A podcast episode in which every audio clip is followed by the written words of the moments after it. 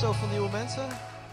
Uh, met Connect Kerk zijn we bezig met de serie over intimiteit, identiteit en autoriteit. We hebben gekeken naar het Oude Testament, Nieuwe Testament en nu zijn we beland bij uh, de apostelen. En uh, deze week was ik aan het voorbereiden en ik was aan het bidden. En mijn zoontje was aan het spelen. En ik vroeg aan mijn zoontje van vier, hey Sam, we even luisteren naar God? En hij zegt, ja, is goed. Dus uh, hij ging luisteren en hij ontving iets wat ik denk van, hé, hey, dat is tof om te delen. Hij was even stil en toen zei hij, ik heb iets. Ik zeg, nou, vertel. En hij zei, misschien zijn er mensen die het gevoel hebben, ik ben een beetje aan het verdwalen. Ik ben het verdwalen in het bos. Ik weet niet precies, ik ben aan het verdwalen in het bos. Maar weet je, God weet de weg. God weet de weg. Dus dat, uh, dat is mooi. Kinderen kunnen Gods stem verstaan. Geweldig om samen te doen. Families voor Jezus, daar, uh, daar ga ik voor. Vandaag ga ik het hebben over, uh, over Johannes. Eigenlijk niet Johannes de Doper, dat zou veel beter passen, maar Johannes de Apostel van Liefde. Een aantal dingetjes, of als uh, achtergrondinformatie over Johannes. Johannes wordt genoemd de Apostel van de Liefde. We weten dat hij vijf bijbel, Bijbelboeken schreef, drie brieven, daar hebben we het over gehad in het verleden. De brieven over licht, leven en liefde. Hij schreef openbaring en aan het eind van zijn leven schreef hij uh, zijn evangelie. De evangelie van Johannes. Johannes, we kennen hem als de boezemvriend van Jezus. Johannes wou maar één ding. Hij wou dicht bij Jezus zijn. Kon niet dicht genoeg. Hij kroop op schoot. Hij kroop aan de boezem van Jezus. Hij kwam uit een rijke familie, want zijn vader Zebedeus had knechten. Maar het was ook een gelovige familie. Want ze volgden Jezus, zijn moeder Salome, de moeder van Johannes, volgde Jezus zelfs bij het kruis. Fantastisch. En we weten, Johannes is geroepen door Jezus, de rabbi. Jezus die zei tegen Johannes, volg mij. Samen met zijn broer. En dat deden ze. En Jezus gaf aan de discipelen, een, uh, aan deze discipel een bijnaam. Aan die twee broers een bijnaam. Namelijk, zonen van de donder. Nou, toen uh, Johannes dat hoorde, had hij zoiets, wat betekent dat? En ik denk die term, zoon van de donder, is aan de ene kant negatief, aan de andere kant positief. Want het beschrijft iets van de negatieve kant van Johannes. Het beschrijft iets van zijn vleeselijke temperament en zijn onstuimige karakter. Dus in het nu. Maar het was ook profetisch, omdat Jezus zei: Ik ga jou veranderen. Je kan niet jezelf veranderen. Ik ga door mijn liefde jou transformeren, Johannes. Nu ben je nog een negatieve zoon des donders, zeg maar dondersteen. Veel gedonder in je karakter en je hart is af en toe van steen. Maar ik ga jou veranderen in een man van donder van liefde. Dat ga ik doen. Dus een positieve en een negatieve kant. Johannes had vier uh, blunders in de Bijbel. Misschien wel meer. Dan hebben we het natuurlijk over Johannes in de Bijbel. Hè? Niet onze Johannes. Nee, Johannes van de Bijbel. Die had vier blunders. Laat dat helder zijn. En uh, dat weten we misschien niet allemaal. We denken vaak aan Thomas, die gast die twijfelde. Nou, Petrus die, die deed het ook allemaal verkeerd. En het, Judas was helemaal het stoutste jongetje van de klas. Maar degene die ook fouten maakte is Johannes. En daar gaan we naar kijken. Um, ja. Jezus vertelt op een gegeven moment aan zijn discipelen: Vrienden, ik wil iets met, uit mijn hart delen. Ik word straks verraden. Ik word opgepakt. Ik ga gekruisigd worden. En de discipelen die uh, reageren dan heel pastoraal door een discussie te hebben als Jezus zijn hart deelt van wie van ons is het aller allerbelangrijkst. Ze nemen Jezus totaal niet serieus. Ze hebben een discussie van wie is nou het belangrijkste. En uh, je kent dat verhaal. Onder de leerlingen ontstond er oneenigheid over de vraag wie het belangrijkste was. Lucas 9, vers 46. En ook Johannes, zullen we laten zien, had daarin een belangrijke rol. Hij wou belangrijk zijn. Imago, status, reputatie. Dat mensen onder de indruk waren van Johannes. En Jezus zegt, jongens, wees als een kind. Wees iemand die dient, wees de minste. Dan ben je belangrijk, dan ben je succesvol. En dan gaan we verder in Lucas 9. Um, Lucas 9 is het hoofdstuk waar blunder na blunder of leerles na leerles staat over Johannes. Misschien is dat het hoofdstuk die Johannes het liefst uit de Bijbel zou willen scheuren, omdat hij er niet zo goed afkomt. En Johannes die, die wou dus als eerste heel belangrijk zijn. Hij dacht niet aan samenwerking, hij dacht niet aan teamwork, hij wou nummer 1 zijn van de twaalf. Dat was de eerste. En Jezus verandert dat in zijn denken, in zijn hart. Dan de tweede fout die Johannes maakte, was het volgende. Hij dacht heel erg in kleine vakjes, in zijn vakje, in plaats van de visie van het koninkrijk. In Lucas 9, vers 49 zegt Johannes er was eerst die discussie en Johannes neemt dan gelijk het woord en dan staat er, daarop zei Johannes in Lucas 9 vers 49, Meester, we hebben iemand gezien die in uw naam demonen uitdreef en wij hebben geprobeerd hem dat te beletten, omdat hij u niet samen met ons volgt. Moet je je voorstellen, er was een man die misschien ooit een discipel was geweest een tijdje van Jezus. Dat gebeurde wel vaker, dat mensen voor een paar weken Jezus volgden. En die man was zeg maar op zijn eigen houtje verder gegaan om het evangelie en het koninkrijk te verspreiden. En er waren mensen gekweld, er waren mensen gebonden, er waren mensen die stemmen hoorden, die helemaal in de knoop zaten. En deze man deed in de naam van Jezus aan bevrijding genaste mensen en in de naam van Jezus kregen ze weer vrijheid. En Johannes zei, ja, die is van de verkeerde kerk. Die hoort niet bij onze denominatie. Die hoort niet bij ons clubje. Kappen ermee. We zijn aan toegegaan, Jezus. We hebben gezegd, hey, stoppen ermee. Kappen ermee. Ja, waarom? Ja, je, je hoort niet bij de twaalf, dus stoppen ermee. Een man die in de naam van Jezus mensen vrijzette. Wauw. Maar ja, niet even in zijn kerkstroompje hoorde, werd gestopt door Johannes.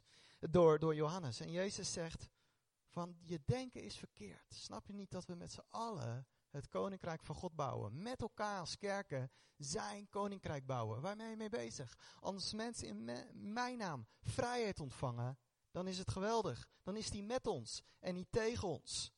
Johannes moest veel leren. Derde blunder of leerles staat in Lucas 9, vers 54. Het is leerles na leerles. Dan zie je dat er veroordeling was in het hart van Johannes. En straf in plaats van genade en vergeving. Bekend verhaal. Jezus ging met zijn discipelen naar Samaria. Hij was daar niet welkom. En Johannes die zegt dan, Jezus, zullen we een Bijbels gebed bidden? Net wat Elia deed, dat vuur neerdaalt op die gasten.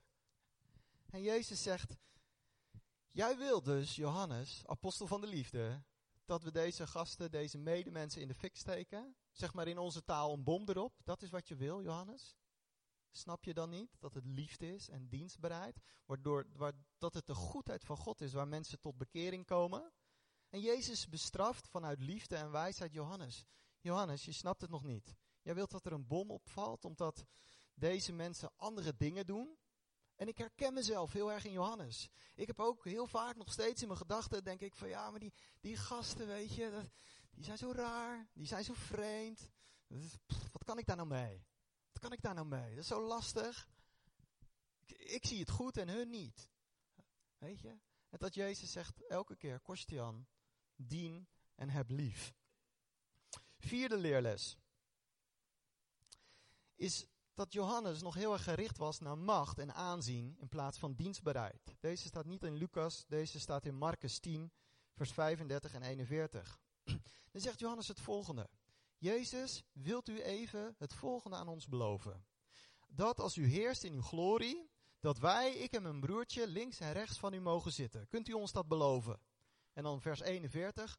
Toen de andere leerlingen dat hoorden, zelfs Judas, werden ze allemaal woest op Johannes. Lekker groepje. Johannes wou dus, die wist er komt een koninkrijk hierna, na het leven is er een koninkrijk. En er is er een troon met de vader en de zoon. En zegt Johannes, Jezus, kunt u nu alvast beloven dat ik en mijn broertje daarop gaan zitten. En dan zullen wij even de baas spelen over Petrus en over, over Jacobus, over, over al die andere gasten. Natuurlijk werd hij boos. Moet je je voorstellen dat, dat, dat, dat, dat Jezus hier is en dat ik aan Jezus vraag, uh, Heer, als u hier dan uh, straks in het koninkrijk, dat Oscar en ik uh, op de troon zitten en de rest zo een beetje aan onze voeten. En dat voor eeuwigheid. Natuurlijk lokt dat discussie uit. Natuurlijk. En Jezus die zegt, je hebt het niet begrepen. Je denkt nog in macht en belangrijkheid. Het gaat om liefde en dienstbaarheid. En later wordt Johannes getransformeerd. Een aantal teksten die ik wil noemen, wat we kennen uit die brieven van Johannes aan, toen we hebben een tijd geleden met Connect Kerk een hele toffe serie gehad over allerlei brieven. En een van de eerste brieven die Oscar uh, aan ons leerde was uh, de brief van Johannes. Dat gaat over licht, over leven en liefde. En dat zie je ook. Als een aantal teksten wil ik noemen die Johannes later heeft geleerd. Een mens zonder liefde, die is dood. Als je niet lief hebt, heb je God echt nooit gekend. Want God is liefde. Als je je hart sluit voor een ander, hoe kan er dan de liefde van God in je aanwezig zijn. Wie wederom geboren is, die heeft lief.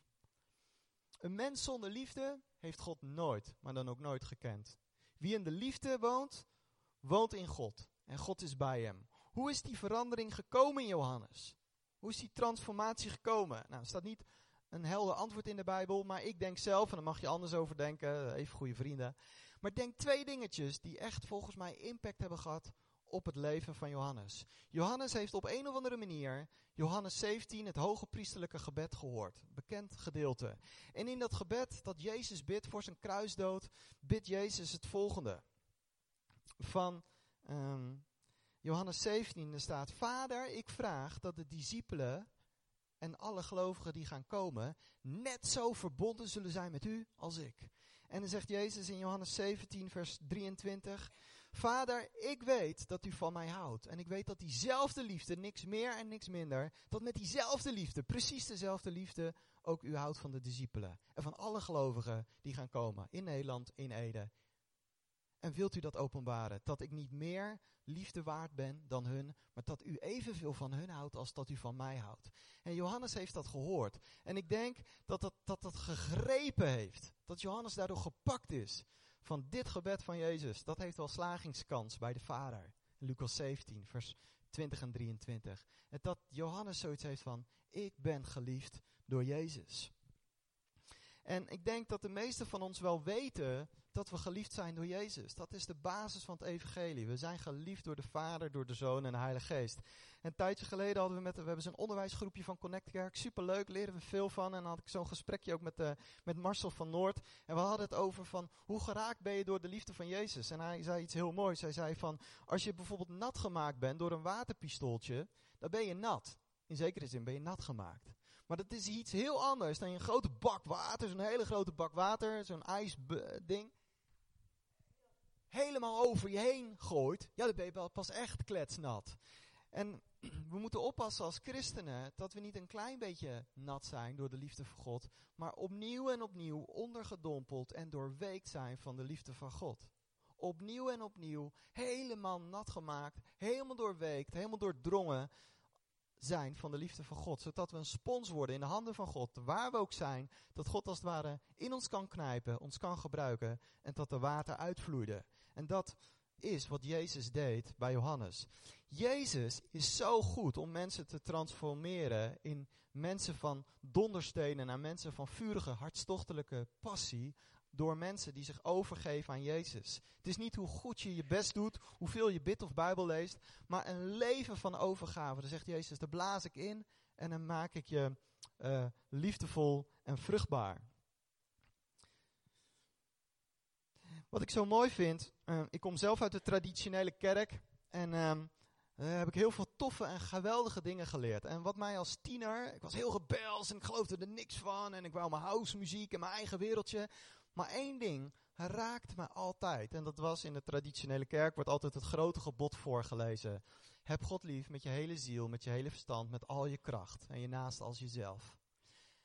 En ik weet nog dat ik een keer, ik, ik geloofde niet eens in God, maar ik werd tot tranen ontroerd. En ik zei, Heer, als ik u ga kennen, dan wil ik hiervoor leven. Dit grote gebod, u liefhebben, met mijn hele hart, met mijn hele ziel, met heel mijn verstand, met al mijn kracht. Daar wil ik voor gaan. En jaren later, toen had ik zoiets van, dat is iets wat ik terug moet geven aan God. En in zekere zin mogen we teruggeven aan God. Maar ik weet op het moment dat God zei, Kostian, weet je, ik hou van jou. Met mijn hele hart, met mijn hele ziel, met mijn hele verstand, met al mijn kracht. Zal ik iets van jou vragen wat ik zelf niet doe? wat ik zelf niet voorleef. Ik hou van jou, ik hou van jullie. Met mijn hele hart, met mijn hele kracht, met mijn hele ziel, met mijn hele verstand, met alles wat in ik heb. En als je dan kijkt naar het kruis en je ziet Jezus, dan denk je, het is absoluut waar. Hij houdt van ons met alles wat in hem is. Fantastisch. Even kijken. Het volgende. Even kijken gezien de tijd.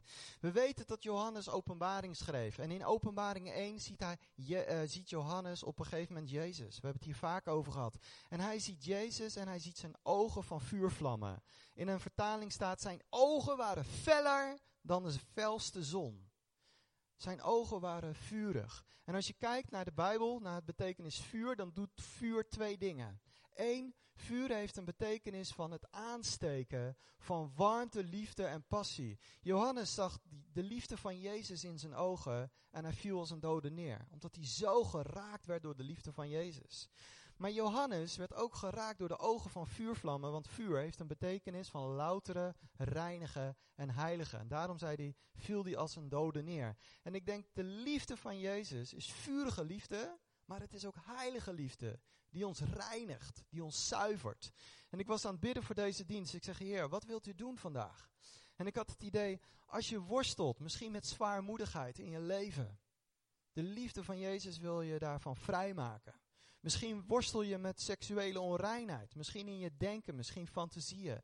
Jezus wil je met zijn vurige liefde, met zijn reinigende liefde, wilde je daarvan vrijmaken. Misschien worstel je met woede aanvallen. Verbaal, non-verbaal. Probeer tegen te houden.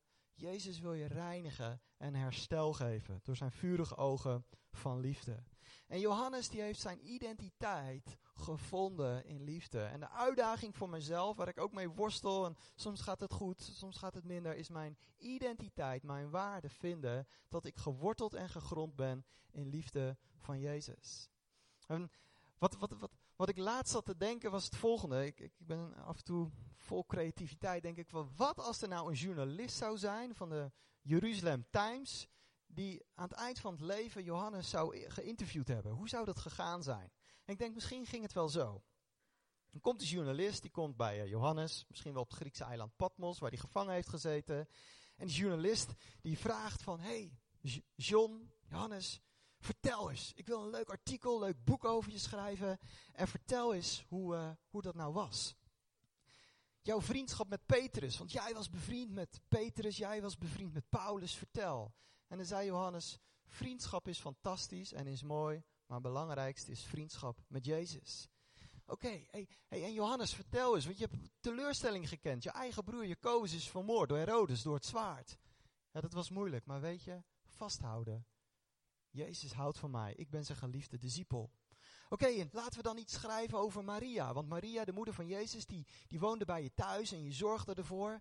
Laten we dat schrijven, dat verkoopt goed aan de katholieken. Die gaan dat artikel in het boek allemaal kopen. Ja, het was mooi om voor Maria te zorgen. Het was een eer, maar weet je, het gaat om de zoon. Ik ben geliefd door Jezus.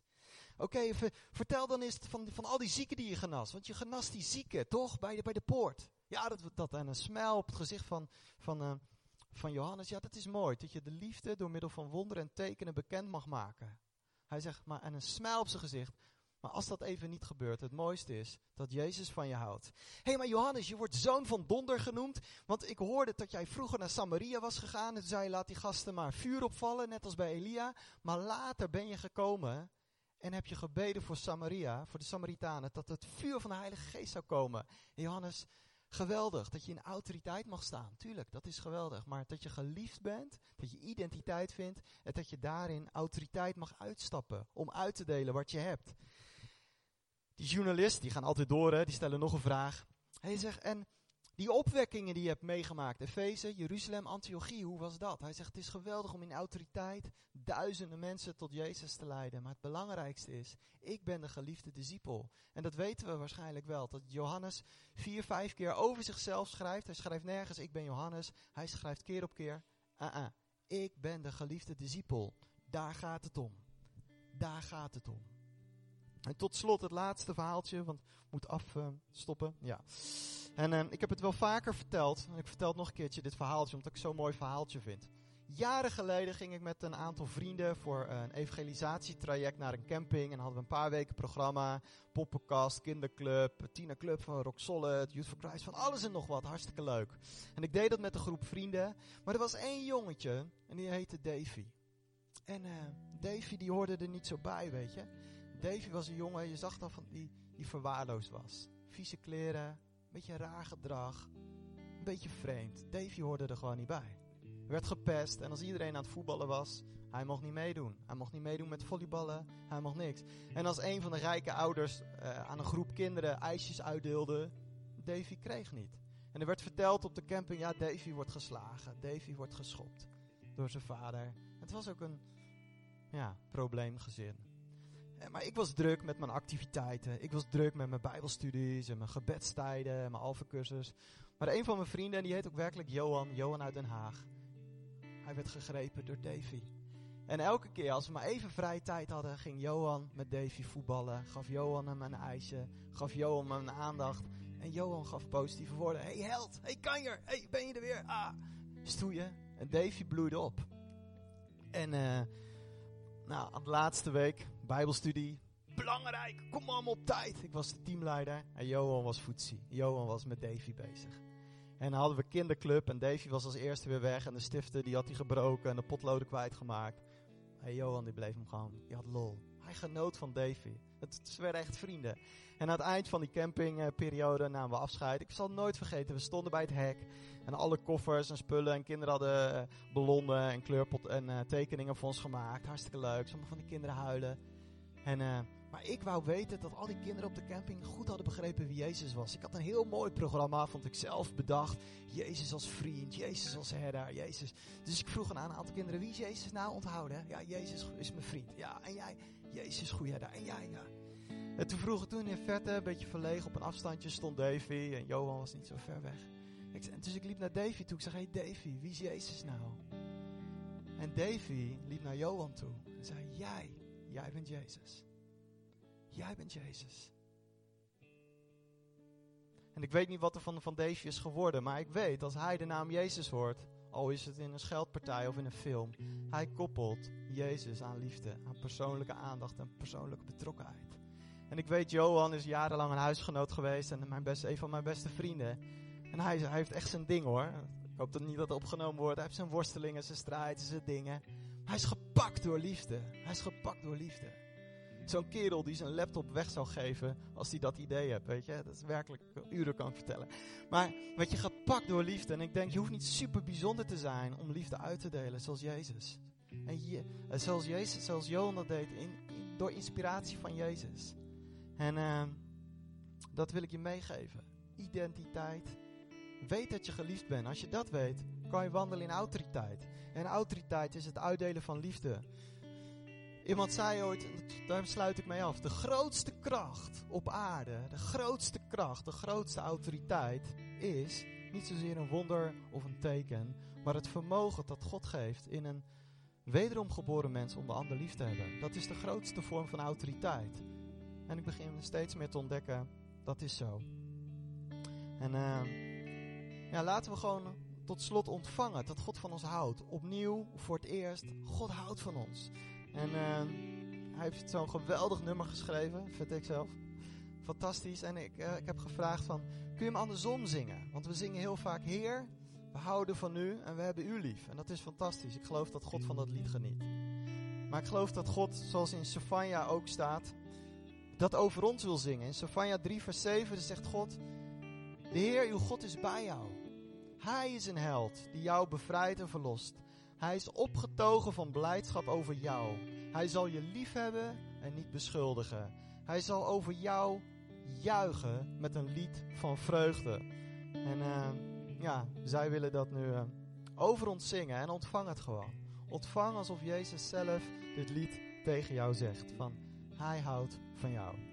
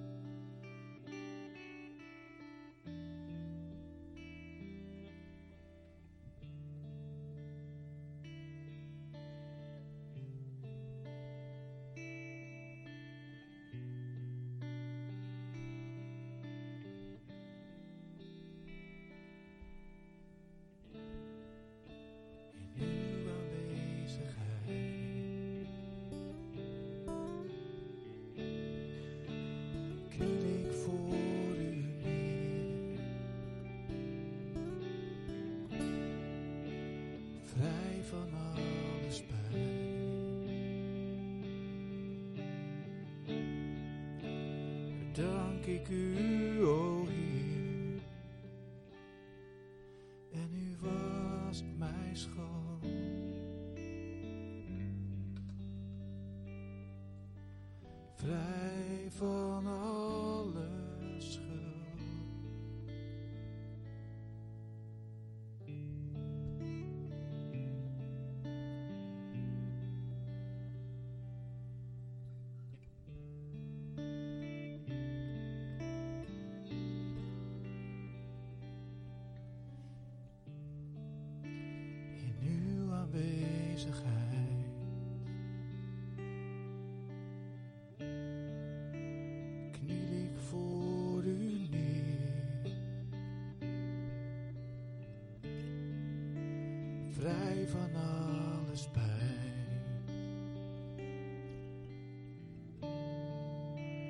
Dank ik u, o Heer. En u wast mijn schuld.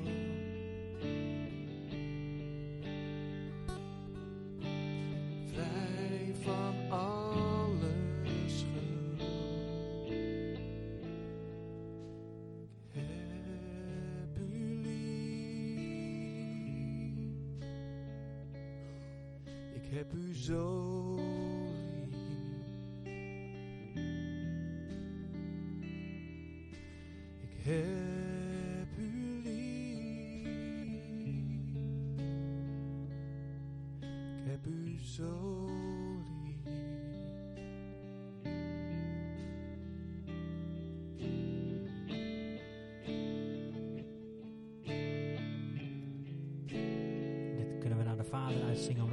over ons uitzingt. Ik heb jou lief.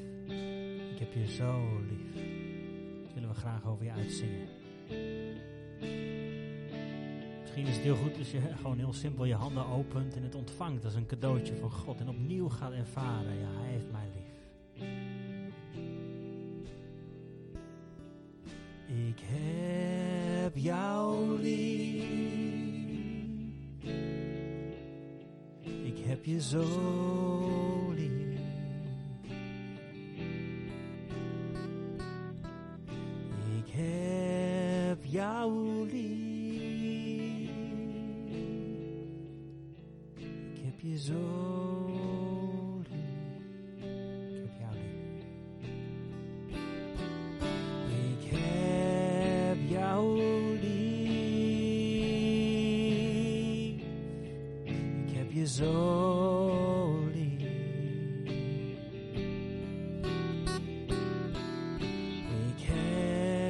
heb jou lief.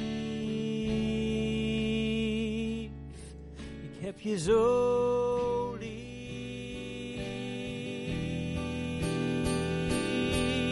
Ik heb jou lief. Ik heb je zo